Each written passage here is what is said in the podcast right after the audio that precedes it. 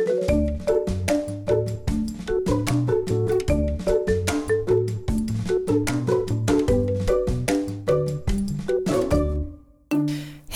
och välkommen till ett nytt avsnitt av Blödigt värre om livet som blödarsjuk. Jag heter Johanna Paues. Min dotter var sjuk, hade feber och eh, så vaknade jag och Daniel en natt och hon kaskad eh, spydde blod liksom, bara stora blodkoaglar och det bara flera gånger. Och vi blev ju jätterädda så vi ringde ambulans. Eh, och då hade jag varit inne med henne också flera gånger. För hon hade också jättemycket blåmärken på, i huvudet och ryggen och magen och, och sådär. Och ingen liksom, där heller utan ja, ja, ja. Eh, men vi åkte in och då möts vi av en, lä en läkare, en yngre läkare, som frågar mig om, om vi haft några andra symptom på Astrid som är konstigt. Och då liksom nämner jag allt detta. Och där var det en läkare, det är den första läkaren alltså, som verkligen reagerade och tog de rätta proverna. Alltså kollade hur blodet koagulerade. Så där fick vi våran, där fick Astrid sin diagnos och då förstod jag ju att jag också hade det. Det här var ett klipp ur en intervju med Emma Hemberg som jag träffade i förra avsnittet av Blödigt värre, när Emma berättade om hur det gick till när hon äntligen, 29 år gammal och redan mamma, fick veta att hennes rikliga mens inte bara var en helt normal kvinnogrej utan faktiskt resultatet av att hon har von Willebrands. Då hade hon sökt hjälp många, många, många gånger. Något som inte är helt ovanligt. Vi har ju tagit upp det tidigare här i podden, för drygt två år sedan när jag träffade Föreningen Blödarsjuka i Sveriges kvinnoprojekt som berättade om hur de jobbade för att sprida mer kunskap om att också kvinnor kan vara blödarsjuka. Det är ju en vanlig fördom att det bara drabbar män. Idag tänkte jag hur som helst följa upp och se vad som hänt med kvinnoprojektets arbete och också ställa frågor om hur kunskapen egentligen ser ut i primärvården när det handlar om det här med det som brukar beskrivas som riklig mens. Vi ska snart träffa en barnmorska och en skolsköterska, men först tänkte jag prata med dig, Anna Tolvé från Kvinnoprojektet, som numera är avslutat och, och ja, arbetet fortsätter, eller hur? Ja, det fortsätter i eh, förbundets kvinnokommitté. Välkommen hit Anna. Tack. Kvinnoprojektet handlar ju om att informera och öka kunskapen och tydliggöra vikten av att utreda kvinnor och flickor med misstänkt blödarsjuka så att de kan få utredning och förstås rätt diagnos och behandling. Hur har det gått? Vi är överlag väldigt nöjda med vårt projekt och vi har ju träffat och pratat med väldigt många ur primärvården. Eh, både på kongresser och konferenser men också ute på mottagningar. Eh, och reaktionen har ju varit kanske varierande under de här åren men vi märkte under tredje året när vi pratade med många att de, då hade det många som har hört om det här projektet, kände till att kvinnor kommer att blöda sjuka och det var ju en förändring som vi såg. Eh, vi har ett sånt här tillfälle som var tydlig ögonöppnare. Det var när vi höll en föreläsning för barnmorskor på FSUMs kongress. Eh, och då hade vi en föreläsare där som heter Måns Edlund som är väldigt, eh, han är väldigt framstående inom just eh, kvinnor och blödarsjuka. Och han höll en föreläsning där och han började med att fråga ifall han var någon där som hade träffat på någon som hade en blödningsrubbning och det var ju ingen som räckte upp handen. Och sen så berättade han att, att så många som en av fyra som kommer till ungdomsmottagningarna med riklig mens har en underliggande blödningsrubbning. Och då såg man alla börja skruva lite grann på sig och titta runt och så gick det upp några små ljus här och var som att ja, de kanske hade träffat några och sen kom det några berättelser, ja men du det här kanske nog hade, kanske var en sån. Så att förhoppningsvis så har de med sig det här och tänker till nästa gång de träffar någon med mens att det kanske finns en underliggande orsak. Och det är ju väldigt häftigt att få se när, när ljuset tänds. Ja, vilken, vilken känsla det måste varit ja. för dig att mm. se reaktionerna. Mm. Du har ju hört Emmas berättelse, eh, som, vi, ja, som hon berättade i förra avsnittet. Skulle du säga att hennes berättelse är typisk, eller är det här, var det extraordinärt att hon var så gammal innan hon fick en diagnos? Jag skulle nog säga att det är en ganska vanlig berättelse. Jag har ju hört många andras berättelser också. Och det är väl tvärtom ganska ovanligt att man får en diagnos tidigt, framförallt om man har en mildare form. Så eh, jag skulle nog säga att den är, det är ganska typiskt faktiskt. Det här att det finns, alltså att man uppskattar att det finns så många odiagnostiserade fall och mm. så. Vad, vad är din bild? Var, var, varför är det så här, tror du? Jag tror att det finns många orsaker till det. Dels så är det den här gamla fördomen om att tjejer inte kan vara blödarsjuka. Även då ifall kvinnor så att säga är bärare av den klassiska blödarsjukan och själva kan ha symptom därför att de själva kan ha så låga fakturnivåer.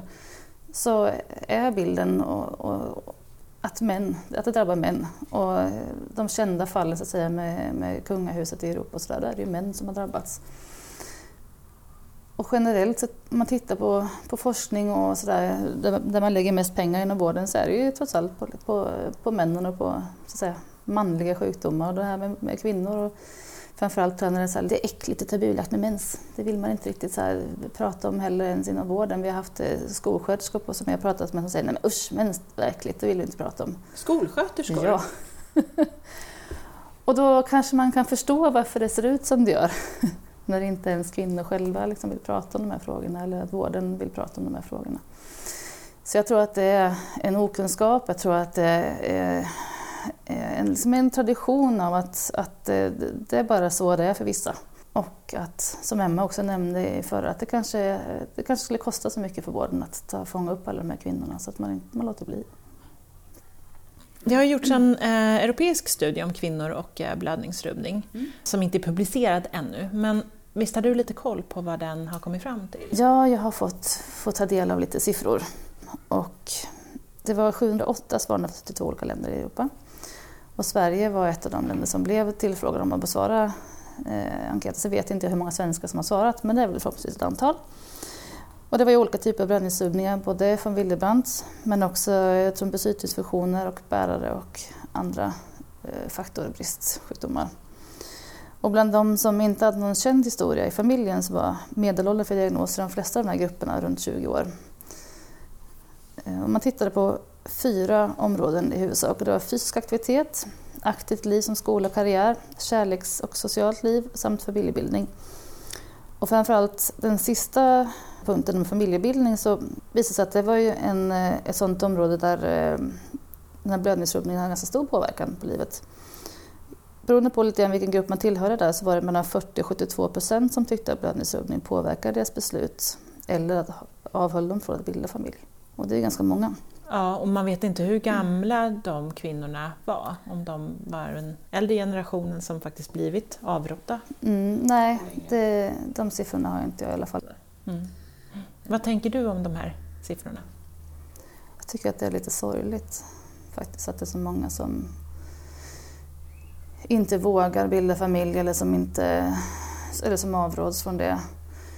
Det är väl inte så många som avråds från det i Sverige idag, om någon, om någon ens, men man kan ju tänka sig andra europeiska länder där inte vård och behandling har kommit så långt så kanske det är fler som avråds. Framförallt om man kanske är bärare av en svårare form av hemofili. Och i och med att det också finns ju den här med, inte bara att de själva kan få problem och blödningsproblem och sådär vid en, vid en graviditet och förlossning så, så finns ju naturligtvis då eh, frågan om, om bärarskap och arv, att man för det vidare till, till sina barn. Det, är ju, det kan ju för många vara ett ganska tufft beslut att, att, ta den risken så att säga, att följa, föra en, en sån här pass allvarlig sjukdom vidare. Framförallt då, återigen i de länder där inte kanske behandlingen och vården är på samma nivå som den är här i Sverige. Mm. Det var lite siffror om kärlekslivet också, att det påverkades? Ja, det påverkas kanske inte i lika hög grad. Men man kan ju tänka sig att det är så. Har du, blöder du mens 14 dagar i sträck och så kanske det påverkar eh, dels det sociala, att du inte kan gå ut och träffa vänner eller träffa män, kvinnor i samma utsträckning, ha ett liv. Ja. att man håller sig hemma nära sin toalett, man kan byta om och eh, sådär. Eh, men också naturligtvis att sexliv kan ju bli påverkat om du, du kanske inte är så bekväm med att ha sex när man har mens. Har man mens väldigt mycket så påverkar det naturligtvis sexlivet och du kan ju få blödningar när du har sex vilket ju också påverkar såklart.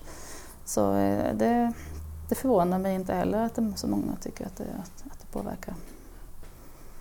Mm. Emma berättade ju i förra avsnittet att en kvinna längre tillbaka i hennes pappas släkt eh, dog i samband med förlossning och att hon tror att det berodde på att hon var blödarsjuk helt enkelt.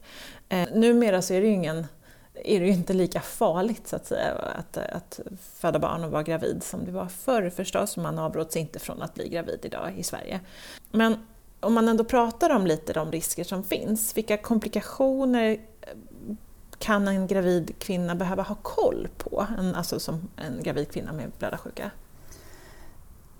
Beroende lite grann på naturligtvis vilken typ av eh, blödningsrubbning man har så har det olika påverkan. Men om man tittar på familjen till exempel som är kanske den stora gruppen så i normala fall så ökar ju familjebandsfaktorn och faktor 8 under graviditeten vilket gör att man blir friskare än normalt så att säga.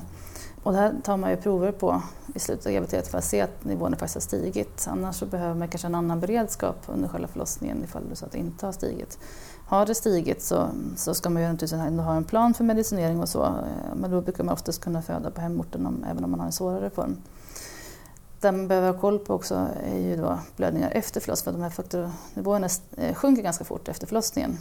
Och då kan man ju drabbas av, av komplikationer efter förlossningen. Och då behöver man så inom loppet av ett par dagar eller så?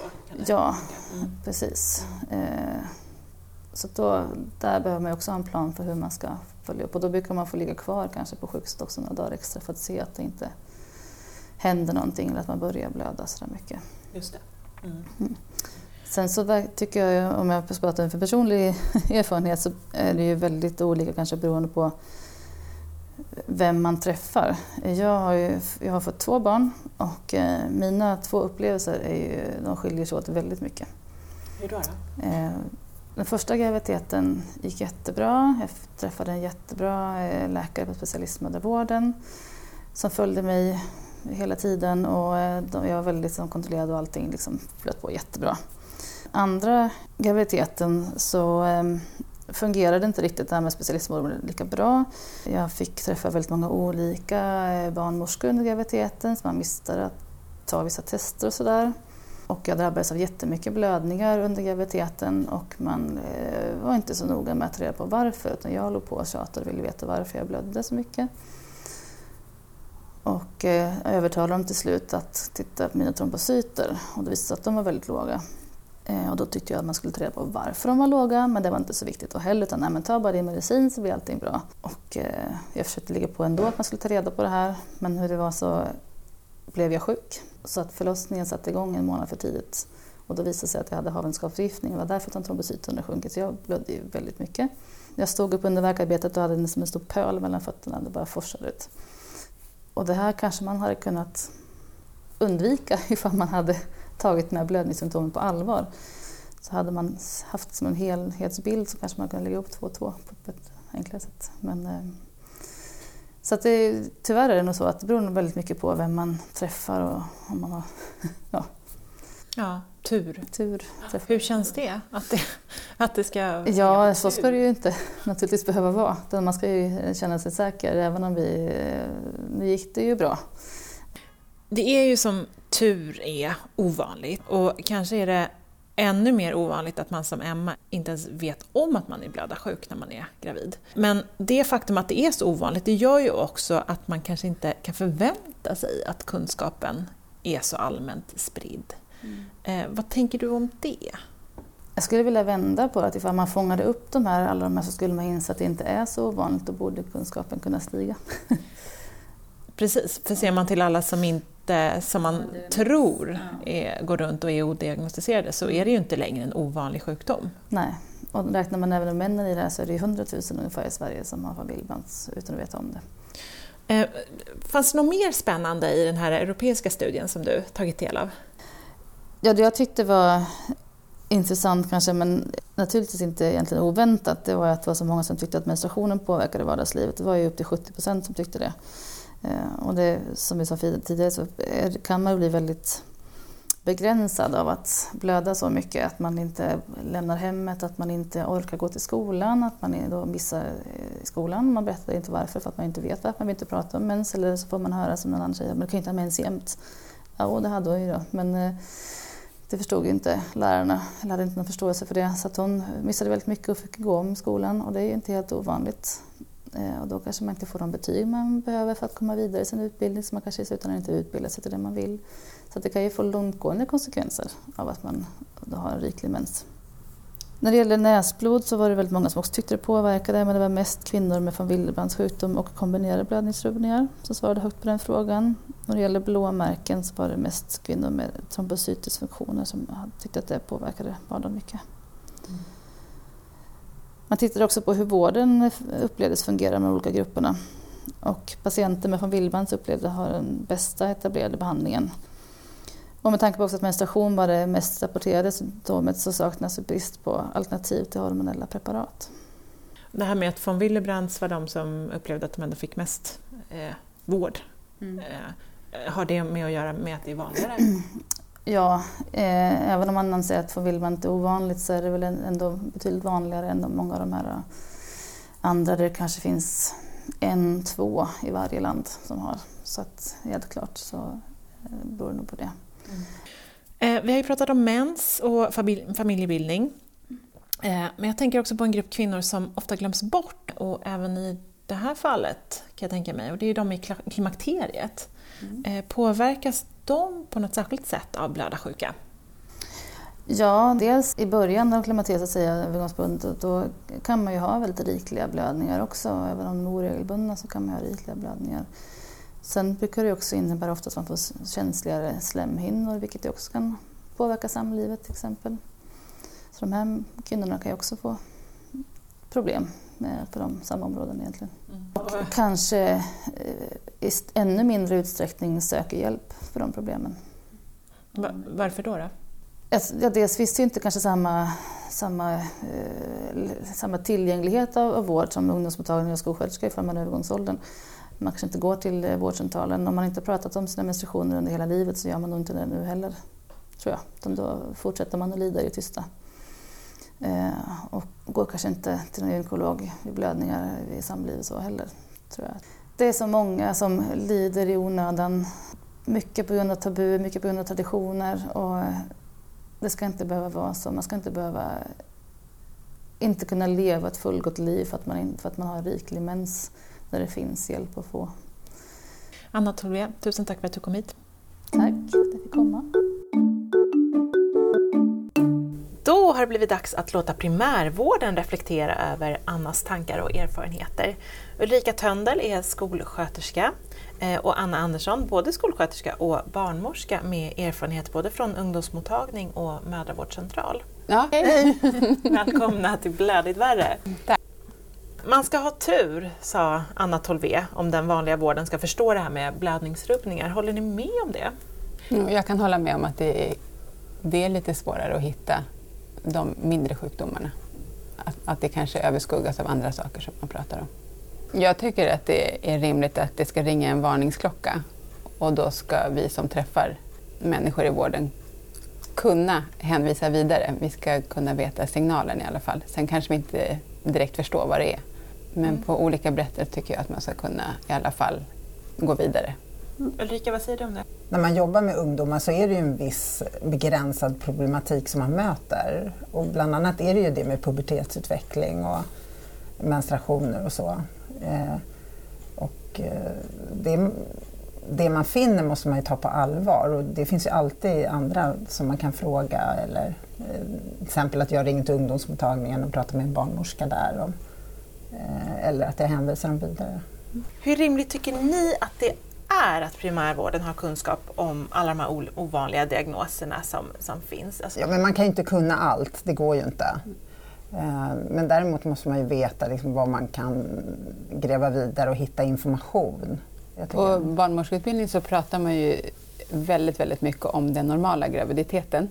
Eh, så all, och vad som är normalt innan, före och efter. Och det som avviker är ju avvikande. Och det ska man ju markera och gå vidare med. Mm. Det känns ju som att det, den springande punkten är ju just att få de här varningsklockorna att ringa. Mm. För då, är det, då, ja, då vet ni att nu är det dags att, att gå vidare. Mm. Eh, men, men att de måste ju plinga liksom också. Någonstans. Alltså det, som det fungerar i skolan så är det så att eh, man har ju ett hälsosamtal i årskurs 8 eh, med alla elever. Och då har man, jag tror att det är 45 frågor som de får fylla i en hälsoprofil. Och där handlar det om mens. Om man har något besvär i samband med mens, om man har fått sin menstruation. Om jag då märker på något sätt att eh, de pratar om att de har ont eller de blöder mycket eller sådär. Och då hänvisar jag dem i princip alla till ungdomsmottagningen. Anna, du har ju jobbat på ungdomsmottagning. Om, om det kommer en, en flicka som har bekymmer med sin mens dit, vad, vad, gör, vad gör man där då? Då, då tar man en ordentlig anamnes, frågar hur många bindor, hur många tamponger och kanske man frågar om andra symptom också. Och sen ja, om de känner sig trötta, man kan ta blodprov och sen brukar det bli att man bokar en tid till en läkare på ungdomsmottagningen. Det gäller ju att få de här tjejerna att gå och, och be om hjälp också. Men jag tror att för de flickor som liksom stannar hemma på, från skolan för att de kanske blöder så mycket eller de har så ont, de blir ju mycket mer motiverade att gå. De som kanske är lite mittemellan sådär, har lite besvär, där kanske det inte finns samma motivation. Men jag, jag tror också att, att eh, kvinnor generellt eh, in, tror att det är normalt. Eh, att ja, vissa blöder. jag menar, man har ju pratat runt menstruation så att vissa blöder jättelänge, vissa har ont. Liksom, det är den avvikelsen, liksom att det skulle vara någon normalitet. Så jag tror att det behövs också att gemene man får mer kunskap om det. Att, att det kanske inte ska vara man kanske inte ska blöda i tio dagar eller man kanske inte ska... Jag vet inte.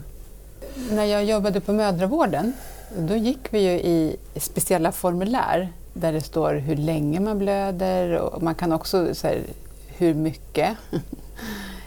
Efter man frågar efter en, en vanlig... Nej, men om man frågar liksom, hur brukar din mens se ut mm. eh, innan du var gravid. Mm. Och, då får de, och då skriver man det i det här formuläret och sen så om det är någonting jag tycker avviker då visar jag journalen för läkaren och så får de okeja. Och så får de läsa det jag har skrivit, det finstilta, liksom det som jag...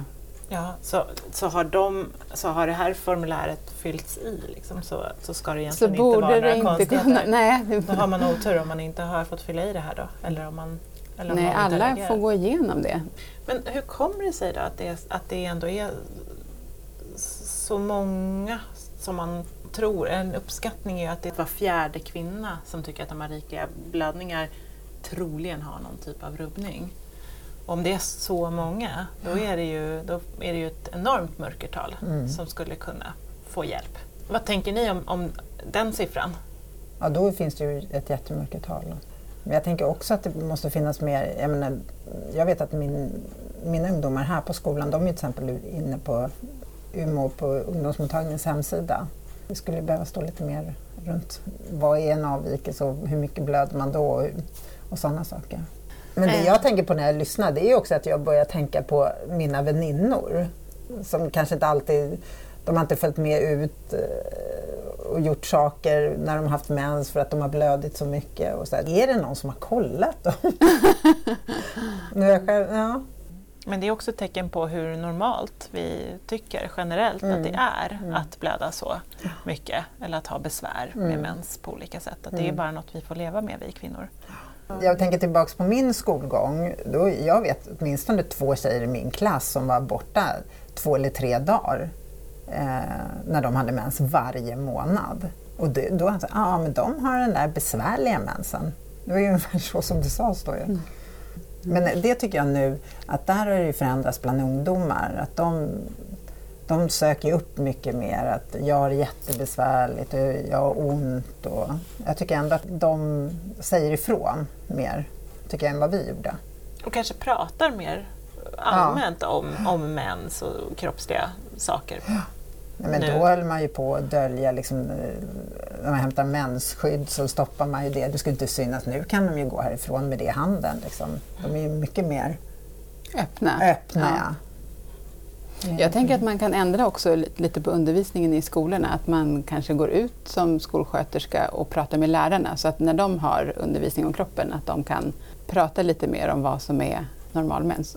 När jag går runt och jag brukar försöka prata med fyrorna enskilt och så pratar jag med femmorna i grupp tillsammans med kuratorn. Och då har vi valt att ha blandade grupper, killar och tjejer, så att alla får lära sig lika mycket om mens.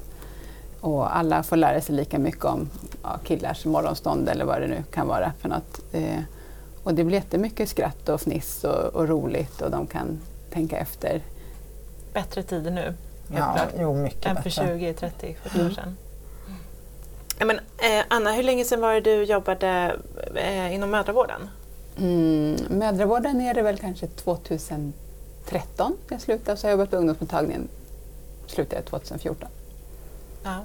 Mm. Hur tycker du, alltså hur, rent generellt, hur tycker du att eh, läget är eh, när det handlar om att få ny, eh, ta till sig ny kunskap, att man... Ja. Som det var då så vi hade regelbundna utbildningsdagar och väldigt tydliga PM att jobba efter. Så att allting som överstiger det normala, väldigt fyrkantigt det normala, måste jag lägga till en läkare.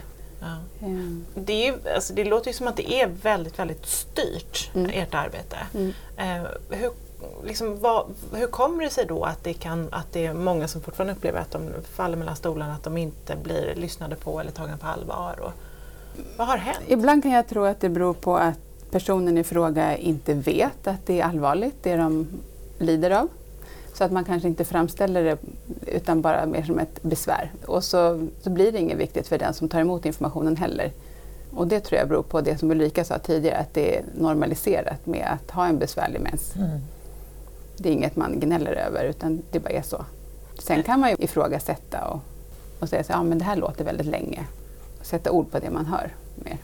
Det som också tycker jag kan vara det som kanske är nackdelen, det är ju att allting har ju effektiviserats så att det knappt finns, liksom, om man går till läkaren så får man 15 minuter. Allting ska vara så himla effektivt och det ska gå jättesnabbt. Man kanske inte ens hinner ta upp de här, den här problematiken. Jag tänker, jag menar man går till en gynekolog, man ska göra massa annat och sen så är tiden slut. Ja, jag hade tänkt ta upp det här med min mens men ja, det fanns liksom ingen tid. Mm. Men så är det ju i mödravården också, att det är avsatt en viss tid och ett visst antal besök per graviditet. Och om man har effektiviserat det så mycket att man kan gå efter en blankett bara utan att prata med kvinnan eh, första besöket, utan man börjar direkt på kontroller. Jag vet inte hur det ser ut nu, men om det är så så är det ju lätt att det missas. Det är ju väldigt mycket lättare att få bra information om man sitter ansikte mot ansikte. Mm. Men hörni, vi kan väl eh, konstatera att det är förhoppningsvis på väg mot en bättring. Kanske redan mycket bättre än vad det var för bara eh, tio år sedan. Kan vi hoppas i alla fall. Men vi pratar mer om mens idag i alla fall. Mm. Ha, till sist, har ni några idéer om hur kunskapen kan bli mer spridd kring det här? Jag menar, är det nu så att kanske var fjärde kvinna eh, som tycker att de har rikliga menstruationer har en blödningsrubbning så är ju det, då är, har vi ett folkhälsoproblem här. Mm. Ja, på något sätt måste ju informationen bli mer lättillgänglig. Och sen, sen är det väl så att man, det behöver vara mer utbildning och mer information till sjukvårdspersonal som jobbar med det här också.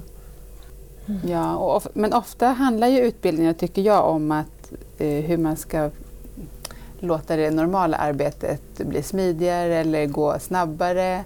Eller hur, ja, så att man gör rätt, så att alla gör lika, att det blir likriktat. Men man kan ju också tänka sig att man har utbildningar om just specifika diagnoser lite mer regelbundet. Att det är ett återkommande tema. För det är ju många saker som jag aldrig hört talas om på våra utbildningar. Utan vi pratar ofta om att man kanske ska, alltså nu i min skolsköterskeroll, att man gör lika så att alla barn får samma information. Hörni, tusen tack för att ni var med i Bladigt värre. tack själv. Ja, vad tar ni med er härifrån idag? Jo, men eh, jag tänker så att jag, jag ska vara ännu noggrannare med, nu ställer jag ju frågan om de får den där hälsoprofilen, men prata ännu mer runt eh, mens och blödning och eh, kanske på en än, ännu mer noggrannare nivå. Jag blir ännu mer stärkt i att, det, att man ska ha blandade grupper när man pratar om pubertet och, och så. Eh, för att eh, om det är så att man inte upptäcker en blödarsjuk kvinna så kanske faktiskt den, om man nu är tillsammans med en kille, så kanske den partnern också har ökad kunskap om men det här är inte normalt. Det här, ja. Mm. Nu har du sagt att vi inte kan ha sex på två veckor.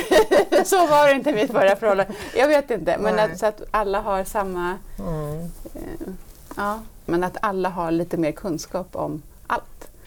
Tusen tack, tack Anna och Ulrika för att ni var med i Bladet Sverige idag. Mm, tack. tack. Ni som lyssnar kan förstås hjälpa till att sprida kunskap genom att tipsa folk som har nytta av att känna till sånt som vi pratat om idag att lyssna på samtalet. Skicka länkar till era skolor och vårdcentraler, dela i sociala medier och fortsätt gärna följa Blödigt värre förstås. Mer information finns också på FBIs hemsida där kvinnoprojektet har en egen rubrik. Tack till CSL Bering som gör den här podden möjligt. Blödigt Värres producent heter Estrid Bengtsdotter.